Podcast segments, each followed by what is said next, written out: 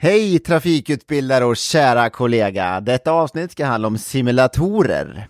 Låt dig inspireras av trafikutbildaren Viktor Nyberg som både använder simulatorer i sin verksamhet och forskar i ämnet via Linköpings universitet. Ett uppdrag utlyst av Trafikverket. Tänk att allt började med ett examensarbete. Nu kör vi!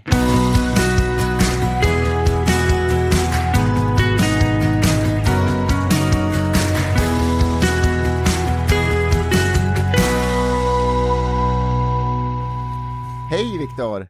Hej Andreas! Men du Viktor, kan inte du presentera dig lite grann för lyssnarna? Det kan jag göra. Eh, jag heter Viktor Nyberg, eh, bor uppe i Umeå där jag har och driver min trafikskola Safe Trafikskola. Eh, utöver det så doktorerar jag även i kognitionsvetenskap nere på Linköpings universitet. Där jag forskar om körsimulatorer och hur man använder dem i alltså, körkortsutbildningen för B-behörigheten. Helt enkelt en vanlig personbil. Ja, just det. Eh, sen är jag då lite nyfiken såklart. Hur kommer det sig? Vart började ditt, ditt intresse för simulatorer? Eh, det började ganska mycket med att sen jag blev trafiklärare för ja, ungefär 12 år sedan vid det här laget, så jag hela tiden ville, ville kunna göra en bättre utbildning för mina elever. Både då att de blir bättre som bilförare, men också att det blir smidigare och enklare för dem. Och eh, genom tiden här nu så blev jag utbildningsledare, riskutbildare, och sen började jag plugga på universitetet för att förstå egentligen hur människor tänker. Och pluggade i tre år och då avslutades det med ett examensarbete. Och det examensarbetet gjorde jag då med körsimulatorer. Där jag gjorde en studie där ett gäng elever fick köra två olika slingor. De mätte hur bra de körde med sparsam körning. Så fick de båda två genomgå en utbildning, den ena i en simulator och den andra lite mer traditionell. Och så fick de testa igen och köra samma slinga igen. Och man såg att gruppen som hade övat i simulator helt enkelt hade mycket bättre resultat. Nu är det en ganska liten studie och jag mätte bara simulator mot simulator. Men man såg ändå en ganska dramatisk effekt på framförallt vissa av dem. Det blev jäkligt mycket bättre helt enkelt. Just det, och här vaknar säkert intresset upp ännu mer då kan jag tänka mig. Och du, du har ju en del erfarenhet, vet jag, kring det här med simulatorer. Du drog igång en trafikskola också. Eh, kan du inte berätta lite grann hur, hur tänket gick där och hur ni arbetade med simulatorerna? Um, när vi drog igång det där så ville vi använda simulatorerna som en integrerad del i utbildningen. Mycket på grund av att en simulator är ungefär lika bra som du använder den. Jag menar, står den i ett hörn så gör den ingen nytta, utan vi vill se till att våra elever använder dem på ett bra sätt. Inte bara kör i dem, utan faktiskt lär sig någonting också. Så det sättet som vi jobbar på framför allt är att vi insåg att om vi styr upp en bra utbildning och så använder vi simulatorerna på ett bra ställe i utbildningen, väldigt så här kontrollerat, gör de här sakerna i simulatorn, gör de här sakerna i bilen, så hade vi jättebra resultat. Så att vi gjorde så att eh, vi erbjuder våra kunder helt enkelt vad vi kallar en körkortsgaranti. Det vill säga att de går en kurs åt oss och på de här veckorna som kursen går då går vi igenom allting de behöver för att klara en uppkörning. Och det lyckas för de allra flesta. Så att de får ett fast pris på en utbildning. Och det är väldigt tacksamt. Och fördelen med ett, ett fast pris på det här sättet och en riktig utbildning innebär att eh, vi kan helt enkelt ställa motkrav. Du ska göra läxan, du ska köra i simulator, du ska köra i bil och du ska göra det med den här ordningen. För om man inte gör det, då blir det inte lika bra resultat. Det går inte lika effektivt. Just det, det, det, blir ju på ett sätt lite grann er affärsidé också. Eh, kan du inte eh, lite konkret, Viktor, berätta lite grann hur, hur det går till för en typisk körkortselev uppe hos dig? Ja, när de kommer till oss eh, så handlar det mycket om att vi pratar lite grann med dem och diskuterar vad de har för förväntningar och sånt där. För att i och med att vi utbildar på ett lite speciellt sätt så märker man att många har en egen bild om vad det är. Så det handlar just om att vi, vi är överens helt enkelt. Sen efter det så handlar det väldigt mycket om att du ska köra en stor del av det vi ofta pratar om manövrering, övning 1 till 5 egentligen, i simulatorn. Du ska göra dem innan du sätter dig i bilen. Beroende på hur mycket de har kört innan så kan det vara olika mycket antal timmar. Men de ska köra igenom vissa övningar och du ska klara dem där. Och en del av övningarna är de, de är lärarledda, då lärare sitter med och har mer än en elev åt gången går igenom det där. Och sen en stor del handlar sen bara sitta och nöta och få det bra. Och när de väl har gjort den där biten, då får de börja testa ut det i bilen. Och även om du aldrig kört bil tidigare så märker man på en gång att de är inte perfekta. De är inte lika bra som de var i simulatorn, men de har kommit 90 procent av vägen. En elev som aldrig har krypkört med en manuellt växlad bil till exempel. Jag menar, vi har väl kortat ner utbildningstiden i bilen med 90 procent. Det handlar mer om att bara, jaha, är det så det funkar i verkligheten? Och så vissa saker får man träna lite mer på. Bromsning är en sån typisk grej som vi upplever att de får eh, jobba ganska hårt med i bilen istället för i simulatorn. Eftersom att du har inga G-krafter i simulatorn. Det är mycket det vi använder för att veta hur hårt vi bromsar. Och sen när de har kört lite grann i bilen, kör lite grann i simulatorn, kör lite grann i bilen, kör lite grann i simulatorn. Under tiden så studerar de då teori. Så att vi pratar att oftast elever som utan erfarenhet kör kanske ganska många timmar i simulatorn, två timmar i bilen och sen börjar vi köra stadstrafik med dem. Mm. Och ungefär där någonstans börjar effekten av en simulator trappas av, så det blir mer och mer i bilen. Just det, sen när ni upplever att effektiviteten nu börjar sjunka lite, när ja. den inte riktigt ja, är lika värdefull om man kan kalla det så, då använder ni en, en vanlig bil då? Ja, precis. Och det kan fortfarande så här, gå in med punktinsatser och ge eleverna läxa. Okej, okay, jag ser att när du närmar en cirkulationsplats och så säger att de kör en manuellt växlad bil, då blir dina nedväxlingar inte så bra. Kör de här övningarna i simulatorn, träna på de här grejerna och sen kollar vi av det igen. Så då skär vi ner det, mer tid i bilen. Mm. Ja, jag blir nyfiken, jag börjar direkt tänka två grejer här. Den ena då, vi börjar med den Viktor, det är när ni jobbar med simulatorn då, du säger att ni är flera elever på en lärare. Mm. Hur ser det ut då? Är, ni, är det tre elever på en simulator eller har de fler simulatorer varsin? Liksom? Det varierar lite grann, både med vilken tid på året det är, men också liksom vilken kurs de är i, så att säga. Men oftast har du en lärare och sen har du tre, vi har sex stycken simulatorer. Vi kan använda alla sex samtidigt, men oftast så använder vi färre än dem. Och då har du då tre elever var, eh, varsin simulator. Just det. Det hänger ganska mycket på läraren här också kan jag tänka mig hur, hur man jobbar va? runt en simulator. Eh, inte jättemycket. Alltså det är ja. som vanligt med att man har olika personligheter och lite olika stil på utbildningen. Men det är samma saker som ska tränas, det är samma mål som ska nås. Utan det handlar väl mer om egentligen lärare elevrelation. Är alla tre eleverna på exakt samma nivå i utbildningen, men då kan läraren visa en simulator och sen hjälper den alla tre samtidigt. Annars går den runt och tar en elev i taget. Okej, du behöver träna på vänstersväng i cirkulationsplats och du behöver träna krypkörning och du håller på att få lära dig backa in här mellan bilar. Och så går det där fram och tillbaka helt enkelt. Mm. Ja, det var den första frågeställningen där jag hade. Eh, men den andra då, Eh, men, men eh, att eleven då fortsätter kanske eller kör lite simulator istället för att mm. använda bilen.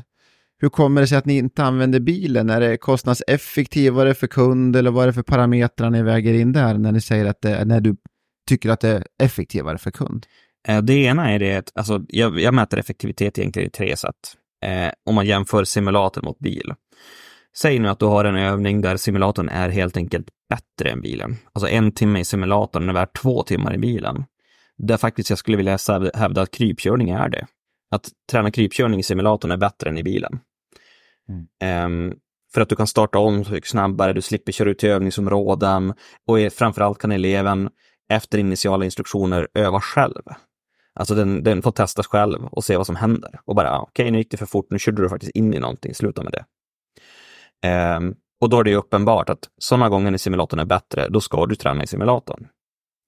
Men om de är likvärdiga, alltså att en timme i simulatorn är värt ungefär en timme i bilen, jag menar, då spelar det egentligen inte så stor roll för elevens investering. Men det blir mycket billigare för en trafikskola att ha en simulator. Så då kan du göra, framförallt om du har utbildat fler elever åt gången. Sen kan det också vara att simulatorn är sämre på att utbilda äh, än bilen. Hon säger att det tar två timmar i simulatorn för att lära sig för det som en timme i bilen. Och då tänker man på en gång, men då ska du sitta i bilen. Det är inte heller riktigt sant. För det beror på hur mycket det kostar skolan att utbilda eleven då två timmar. Jag menar, eleven kanske behöver sitta två timmar, men det blir billigare för skolan och då blir det ju även billigare för eleven, för det blir reglerar våra priser därefter. Framförallt då om det säger att det tar två timmar visserligen, men vi kan ha sex elever åt gången på en lärare det är fortfarande, ja men du har ju tre gånger så effektivt från skolans håll. Och för att ha, då tjäna samma pengar skulle du då kunna ha en tredjedel av priset ute i bilen. I en optimal värld. Vi vet ju att vi lever i en optimal värld, men... Nej.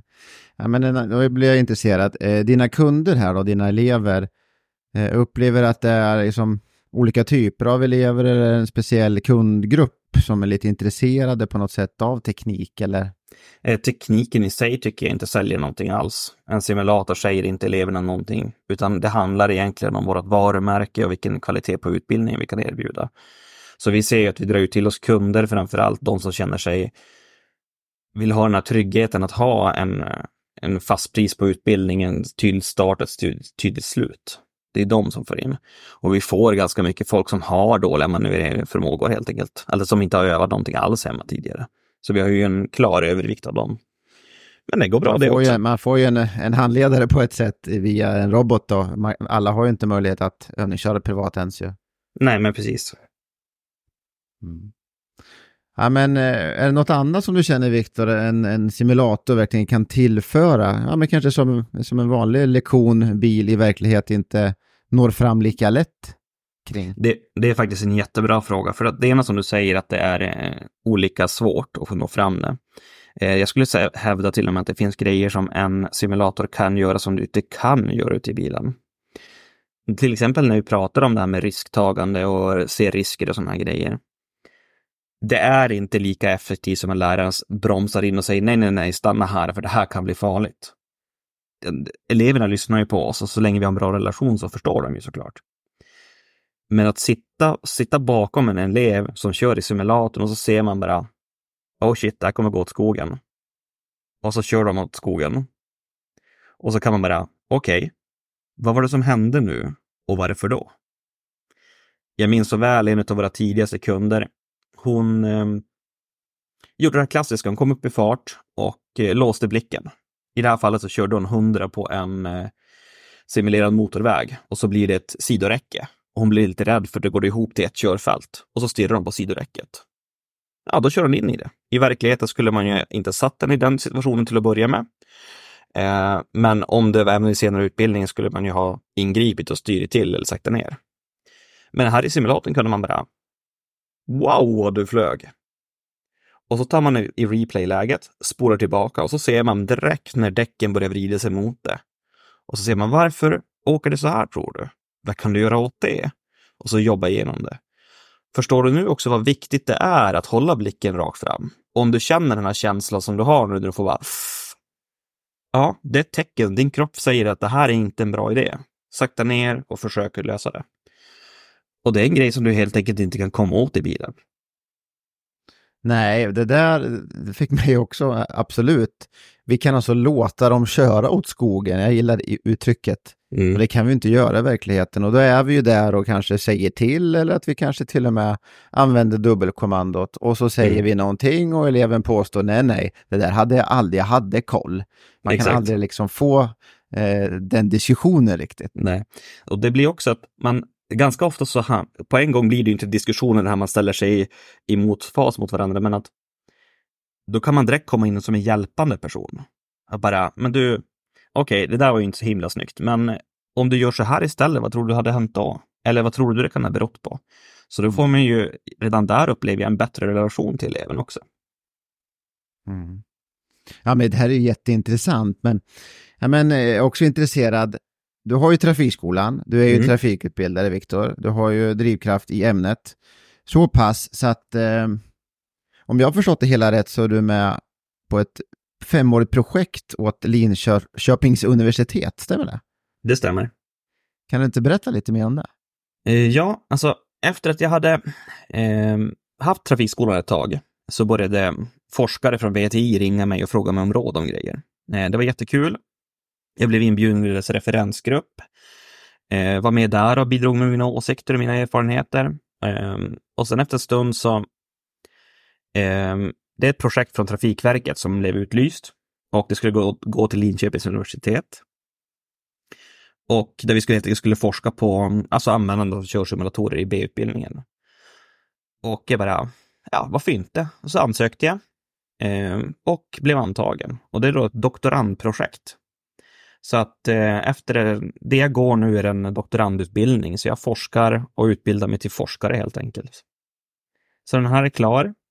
Så har vi det vi förhoppningsvis kan leverera till Trafikverket som är då vår beställare, är att kunna se hur man kan använda simulatorerna i undervisningen, men även också i provet. De bitarna. Vad tror du om framtiden då, Viktor? Kommer det bli något obligatoriskt moment om vi börjar med eh, körkortsutbildningen? Jag hoppas det. Ehm, just på grund av att det vi ser, alltså det som jag sitter och forskar på just nu är alltså risktagande, se risker, alltså agera korrekt i riskfyllda situationer. Och de grejerna som vi testar just nu, alltså du ser folk som haft körkort jättelänge som sitter i körd i dem och presterar hyfsat och diskussionerna är igång. Och jäklar vad mycket diskussioner det blir. Jag måste ju kunna ha belägg för det här, så det är det jag håller på att forska på för att kunna säga att vi ser den här effekten om man gör de här grejerna. Men redan nu så kan jag säga att det är ett helt fantastiskt resultat. Mm. Och det är samma sak här, rätt utfört. Det går inte att sätta dem framför GTA och hoppas att de blir bättre bilförare. Och GTA då, det är ju ett gammalt hedligt tv-spel då med bilar, eller hur Viktor? Exakt. Till lyssnarna som inte riktigt har koll. Men, ja. men det här är intressant och det är ju där, det är, det är där utbildningen ligger, eller bör ligga. Tittar mm. vi, ja egentligen kom ju bilen innan körkortet. Och mm. då skulle vi lära oss hur vi tog hand om våran bil, för den eh, kunde lätt bli trasig. Så är det ju inte numera. Det, bilar blir ju inte trasiga på samma sätt om det inte händer någonting. Och händer det någonting så kan ju vi ändå inte göra särskilt mycket. Och sen en bit efter bilen kom så kom ju körkortet och trafikregler till slut. Och nu är det ju mycket, mycket annat. Det handlar ju om mm. eh, hur ska vi få människor att göra saker som de vet eh, man ska göra fast man inte gör det. Till exempel hålla avstånd, hastighet, telefon och rattfylleri och de bitarna. Och, Exakt. Ja, intressant, viktigt arbete Viktor. Men mm. om vi kopplar det till provet då, vad tror du om det? Kommer det kunna bli ett inslag på ett framtida körprov? Det är öppet för det. Det är en av de grejerna som jag ska, alltså jag ska ju inte göra allt det jobbet själv, men alltså det som jag, jag gör ska kunna bidra till att kunna säga någonting om det. Så att eh, det är inte omöjligt att det blir en simulatoruppkörning i farliga situationer. Framåt eh, senare. Ja, det här är jätteintressant. Men vi har pratat mycket om bil. Eh, har du någon koll, Viktor, hur det fungerar på tyngre behörigheter? Jag får känslan av att man har kommit en bit där, eller? Jo, alltså inom den tyngre behörigheten så har du ganska mycket redan användande. Framförallt så använder ju de allra flesta yrkesgymnasium redan det till exempel. Så då har de ju körsimulatorer där de övar. Och det har ju mycket att göra, där tränar de ju mest backning med dem. Men jag vet också om att, eh, eh, vad heter de? Naturbruksgymnasium har, använder det ganska mycket mm. för alltså, traktorer och anläggningar. Använder jättemycket simulatorer för alla andra saker. Och det handlar ju både om att träna då, jag menar inputsen, att vrida ratten åt rätt håll, använda rätt knappar och rätt spakar. Men också förstå och se effekter där. Vad är, vad är det innebär att gräva ett dike med den här saken till exempel? Hur funkar det? Så det används ganska mycket. Och varför de använder det där äh, är ju helt enkelt för deras, alltså alla sådana här är ju företag. Och de är ju till en viss del vinstdrivande. Och de, eller de har åtminstone en budget. Och det de ser då är ju att genom att ha stora klasser och utbilda på ett eh, effektivt sätt och då använder de simulatorerna för att kunna nå den här effektiviteten. Hur upplever du, Viktor, med dina ögon, ditt perspektiv och när ni pratar, eh, ni som sitter och forskar i detta ämne, att vi som bransch, då, vi som utbildar mot ja, men, körkort då, eh, såklart för livet är ju vårt mål också då. Mm. Men eh, släpar vi lite kring simulatorer eller är det att simulatorerna inte riktigt är där vi vill att de ska vara? Eh, både och skulle jag vilja säga. Eh, för det här är ett problem. När du om du är ett företag, du gör simulatorer och ska utveckla simulatorer, så behöver de ju bygga simulatorer som kunderna vill ha. Och i det här fallet är det då vi trafiklärare, trafikskolor som har det, vad vi vill ha. Um, det är ju rätt konstigt då om inte vi, om vi sitter och väntar på en bra lösning och inte har en bra dialog med dem. Så det är lite moment 22, att jag inser, alltså när jag tittar på programvarorna som finns att erbjuda idag, eh, så är de bra. Men de kan ge så otroligt mycket mer. jag tycker, än så länge skulle jag säga att de, de skrapar bara ytan av vad de är poten, alltså, kapabla till. Men det är också till stor del för att vi inte kräver det av dem och att vi inte riktigt vill använda dem, vi ser inte värdet i dem. Mm. Och då bygger ja, de inte det, dem så. Jag blir jätteinspirerad, men eh, om det är fler med mig, Viktor, som blir, har, känner sig lite inspirerad av det här avsnittet och man vill komma igång på något sätt, men det, det är en liten djungel. Hur, hur ska man göra om man är intresserad av att komma igång med, med simulator? Hur, hur börjar man på enklaste sätt? Mm, väldigt stor fråga, men jag skulle säga att det finns två olika sätt. Eh, eller två stycken steg i alla fall. Det första är att fundera lite grann hur vill vi använda den i undervisningen? Ska eleverna sitta, sitta själva där? Ska man utbilda en elev åt gången med en lärare? Hur många simulatorer ska man ha och vilka moment i utbildningen ska man, ska man öva? Utan att ha gjort några undersökningar kan jag till exempel tänka mig att små skolor i Norrbottens inland har ganska begränsad effekt av en simulator på grund av att i hög grad där misstänker jag att deras elever kör väldigt mycket hemma. Men å andra sidan, om du kör in i Stockholms innerstad, ja, då kommer du ha elever som inte har samma bakgrund och behöver träna mer manövrering, där simulator kan hjälpa jättemycket. Så därför får man ju titta på sin trafikskola och sin miljö man sitter i. Okej, okay, vad kan jag hjälpa mina kunder med? Och sen efter därefter tittar man igen där. Och sen är det bara att börja lägga upp det i utbildningen. Hur, eh, alltså vilka grejer ska vi träna i det? Hur ska vi lägga upp vår utbildning? Kommer vi ställa krav på våra elever eller låter vi dem bara stå där och hoppas på att eleverna kör? Och det senare där kan jag säga på en gång att det kommer inte funka. För att folk kommer inte sätta sig i en simulator och hopp, börja köra och hoppas att de blir bättre på det. Utan att vi måste förstå vad de hjälper till med. Och därför måste vi kunna sälja dem, alltså simulatorerna åt våra kunder också. Det låter konstigt, men det är egentligen det vi gör med allting annat. Så att, mm. Det gäller att tänka till och paketera det rätt och sen också tro på sin produkt. Ja men exakt. Jag menar som på vår trafikskola att vi använder fast, använder fast pris för hela utbildningen. Ja, det är ett sätt att gå. Det finns garanterat fler. Du kan ju paketera in dem i paket, eh, prenumerationsavgifter, eh, ja, alla möjliga grejer. Och sen en till grej också som jag tycker är väldigt viktig. Eh, nu kommer man få höra lite så här härlig forskning kring det här, men att man har gjort lite studier och kollat på simulatorerna, hur verklighetstrogna de är och hur mycket man kan lära sig i dem. Och det man har sett är, man tro, trodde generellt sett, och det upplever att många trafiklärare trodde också, att ju realistiskare simulator, desto bättre lär man sig. För det låter ju rimligt.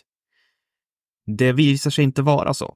Eh, för en nybörjare kan det vara bra om, om simulatorn, eller egentligen uppgiften, oavsett om det är i bil eller i simulatorn, att den är avskalad och bara fokuserar på de enkla grejerna. Och det är mycket det vi gör när vi är ute och övningskör på alltså, små områden. Öva krypkörning på en parkering till exempel. Eh, en simulator som ska träna de bitarna behöver inte vara särskilt bra alls, eller verklighetstrogen, utan det är snarare bättre för eleven om den inte är det. Utan det handlar om ju bättre du blir som bilförare och ju mer komplexa grejer och mer fin motorik och finlir som vi jobbar med, desto bättre måste simulatorn vara. Och vi trafiklärare skulle jag ändå vilja hävda att vi är experter på bilkörning och vara en säker förare. Om vi då sätter oss i simulator så behöver vi, kraven för att vi ska lära oss någonting är ohyggligt mycket högre än vad en elev behöver ha. Så att om du sätter dig i en simulator som trafikutbildare och börjar köra så, ja men det känns inte verkligt. Nej, det är fel fråga att ställa. Rätt fråga är, vad kommer eleverna lära sig av det här? Kommer eleverna lära sig någonting?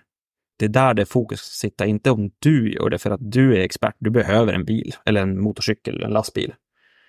Mm. Ja, men jag, jag kan ju känna igen lite, det här har inte med, med trafik att göra, men eh, jag är fotbollstränare till mina pojkar, de är 10 och 11 år. Och eh, vi har ju vi börjar lära oss att spela fotboll, det blir mer och mer fotboll. Vi spelar sjumanna nu, men det är, inga, det är inte offside till exempel, en regel som kommer på elva manna. Eh, de, mina pojkar och deras kompisar, spelar ganska mycket tv-spel, ett spel som många känner till som heter Fifa. Jag märker att mina, mina spelare då på träningarna slänger sig med begrepp som vi aldrig har pratat om när jag har lärt ut så att säga. Så att grabbarna har fått spelförståelse regler via tv-spelet och då är de ganska långt ifrån att faktiskt ha en boll på foten. De har ju en kontroll i handen istället. Så att, ja, eh, om det är en liknelse vet jag inte Viktor. Vad, vad säger det. du? Definitivt. För att, menar, vi gör ju det när vi tittar i våra undervisningsplaner och sånt där. Vi har delat upp det i liksom vad vi kallar, kan kalla praktisk kunskap och teoretisk kunskap. Och du kan ju plocka de här i massor med olika verktyg. Vi har ju böcker, vi har ju appar, vi har ju filmer, vi har ju bilen, vi har ju klassrumsundervisning. Jag menar, hur många sitter inte och ritar upp vridpunkten på bilen till exempel? Mm. Menar, Det, du ritar på ett papper och det hjälper eleven att backa en bil. Är inte det ganska konstigt? Och det är väl där begreppet kommer ifrån, man simulerar någonting. Exakt. Ja. Ja du Viktor, jag, eh, tiden börjar nå sitt slut här och jag tycker verkligen att, att du har gjort bra ifrån dig, i alla fall åt mig. Jag hoppas att eh, övriga trafikutbildare känner samma sak. Jag har blivit mer inspirerad i ämnet simulatorer och tack så mycket och jag väntar spänt med, med att få de här rapporterna sen ifrån din, eh, ditt forskningsarbete. Tack så mycket. Jag jobbar hårt med att skriva de här sakerna också nu. Ja. ja, men det är bra. Vi får säkert höra och se mer av dig, Viktor. Vi får tacka så mycket. Ha det så bra. Hej då! Hej då! Då har vi lyssnat på Viktor Nyberg och hans syn på det här med simulatorer, både i nutid och tankar framåt. Vi får se hur det blir med simulatorer i framtiden. Känner du för att komma igång? Ja, då vill jag önska dig ett stort lycka till. Ha det kanon nu och glöm inte att le i trafiken.